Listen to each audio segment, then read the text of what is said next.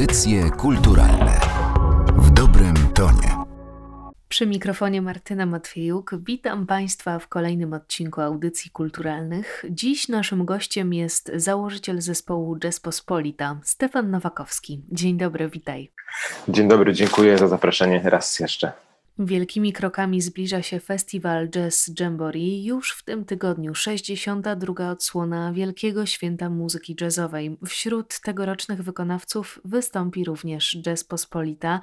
Wszyscy, którzy słyszeli Waszą muzykę, wiedzą, że ten zespół nie tylko jazzem stoi.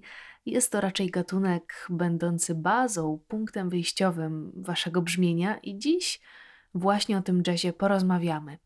Jako twórca co czerpiesz z tej muzyki? Co sobie z niej najbardziej lubisz zabierać? Hmm, ciekawe pytanie. Chyba nigdy się nad tym nie zastanawiałem, więc będę musiał sięgnąć do tego, co jest w gruncie rzeczy sednem jazzu, czyli improwizacja. Od improwizacji zaczyna się tworzenie utworu, przynajmniej ja lubię jakąś melodię, czy jakieś, jakieś dźwięki mi się złożą w całość, to najczęściej powstaje to podczas improwizacji, czyli to nie jest tak, że mam melodię w głowie, tylko raczej jest to wygrane wcześniej, więc to jest chyba ten składnik, który może nie jest dominującym w muzyce Rzeczpospolitej. Nie gramy muzyki improwizowanej w takim znaczeniu od A do Z, że to są improwizacje, że muzyka powstaje na żywo tu i teraz, natomiast w moim przypadku nie jest to taki zamysł kompozytorski, że ja siadam tam, nie wiem, z nutami, czy, czy z klawiszami, czy z jakimś innym materiałem, tylko raczej po prostu improwizuję, jak uznam, że mi się podoba, to zapisuję na rekorder, potem dalsze dokładam element. No dobrze, a z drugiej strony, jako odbiorca, czego szukasz w tej muzyce? Co sobie najbardziej cenisz, choćby podczas koncertów jazzowych?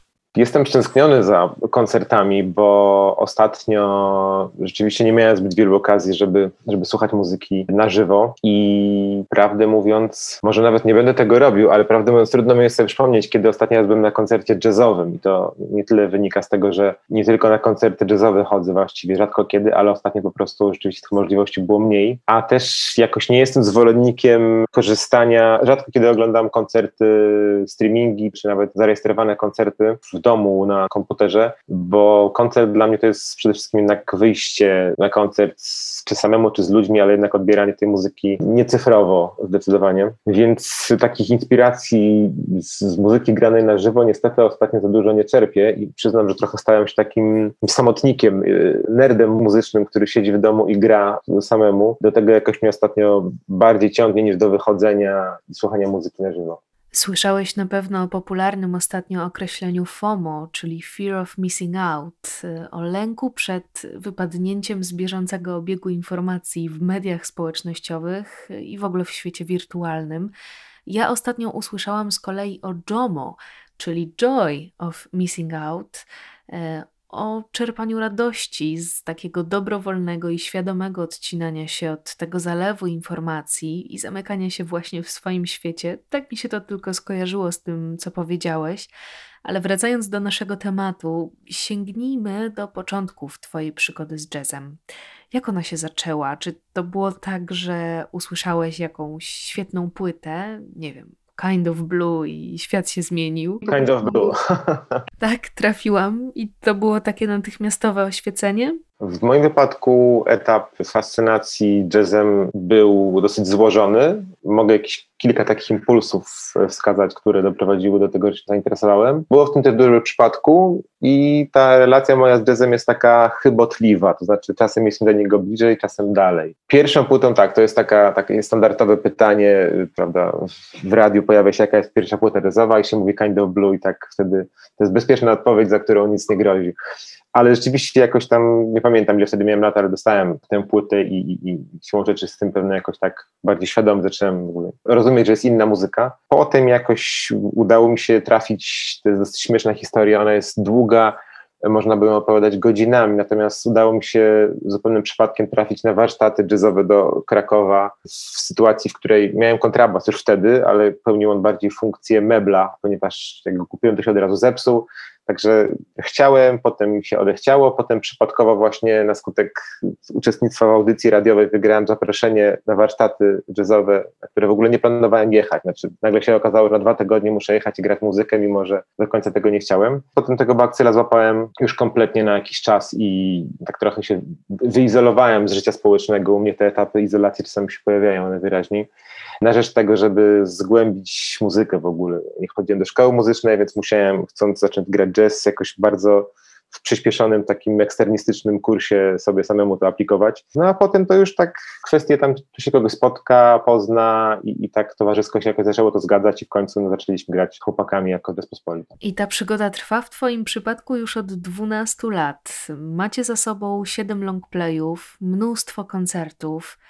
Jak byś po tym czasie opisał to swoje miejsce twórcze? Czy ta wizja siebie wykrystalizowała ci się do końca i zawsze wiesz, jakiego brzmienia szukasz? No i przede wszystkim wiesz, jak je osiągać? Czy może raczej jesteś taką niespokojną duszą, która by ciągle eksperymentowała? Nie chcę absolutnie wartościować tych postaw. Jestem po prostu ciekawa, jakie masz podejście do tworzenia. Hmm, na pewno po jakimś czasie nabiera się pewnych nawyków. Ja praktycznie nie prowadzę działalności y, muzycznej poza graniem z Jazzpopolitą. Grywałem w innych zespołach. Często staram się tak brać kontakt, grając z innymi ludźmi, spotykanie z przyjaciółmi, mniej lub bardziej regularne dżemowanie. Więc no, siłą rzeczy moje wszystkie idee czy jakieś inspiracje znajdują swoje ujście w tym, co gram w Rzeczpospolitej, więc to jest, to jest to, na czym się najbardziej koncentruję. tak jak powiedziałem, no siłą rzeczy pewne po kilku czy kilku latach, kilkunastu latach grania te nawyki się wykształcają i na pewno jest tak, że no można by ktoś tam, nie wiem, jakoś by to przeanalizował, to, to albo brzmi podobnie coś, co gramy w stosunku do tego, co graliśmy kiedyś, czy no jakiś tam opiera się to schematach. Natomiast mnie korci, żeby na innych polach muzycznych też działać, natomiast przyznać muszę, że nie mam na to czasu z uwagi na to, że jestem no, dosyć zajęty jednak.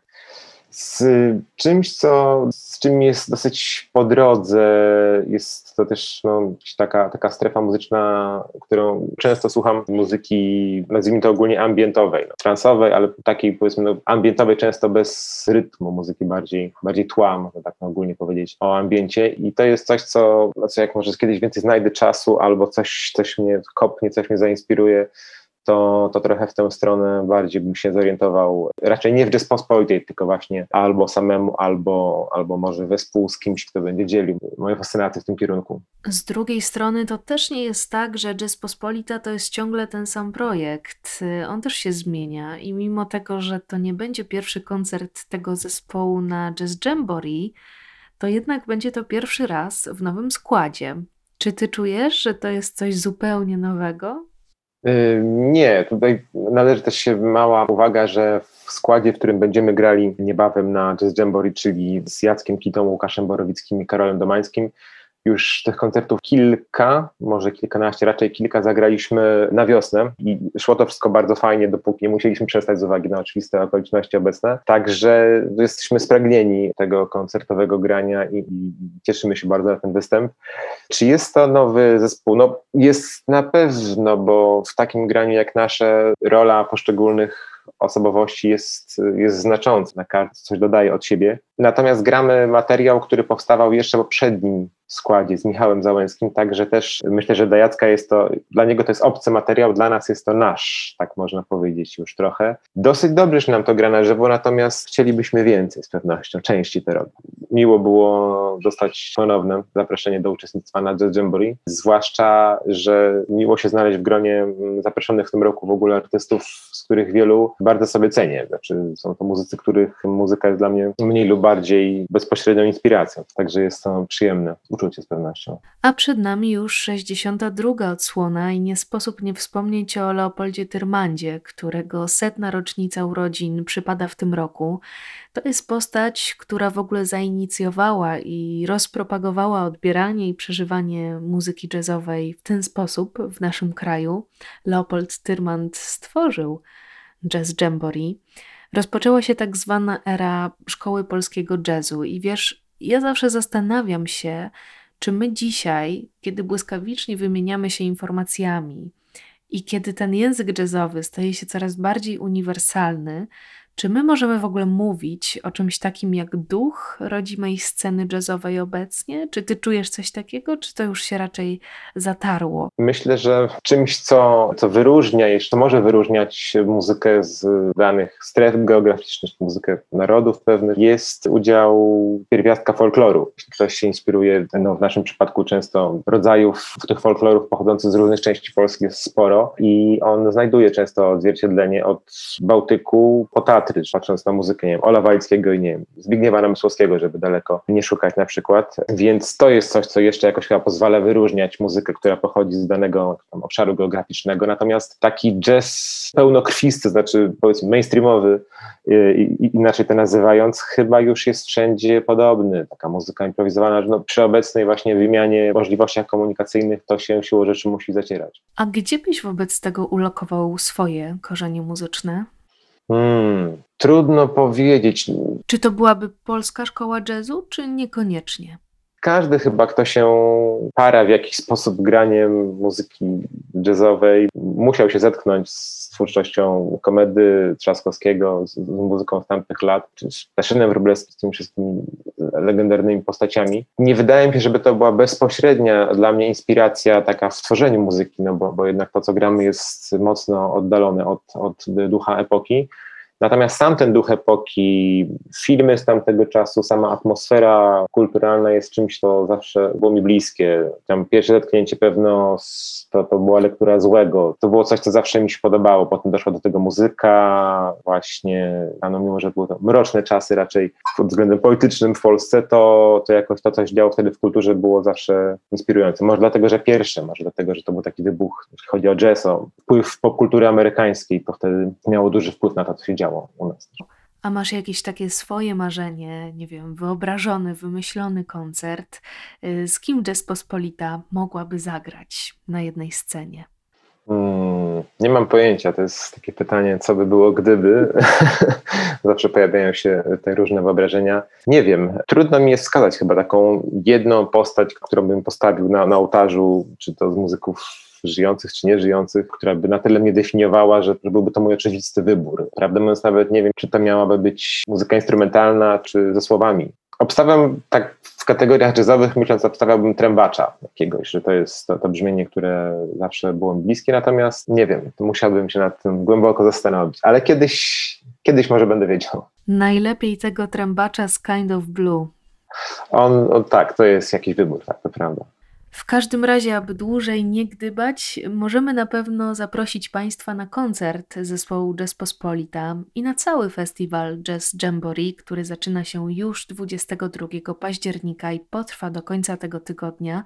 Jak rozumiem, w Waszym wykonaniu będzie to materiał z najnowszej płyty, czyli z przypływu. Tak, pewno głównie będziemy materiał z ostatniego albumu, natomiast przypuszczam, że zagramy też coś z jazz po pewno z płyty Humanizm, tak myślę. Och, z płyty Humanizm, mojej ulubionej. Zachęcam gorąco, 62. Jazz Jamboree przed nami. Stefan Nowakowski gościł dziś w audycjach kulturalnych. Dziękuję Ci za to spotkanie. Dziękuję również, pozdrawiam, do usłyszenia.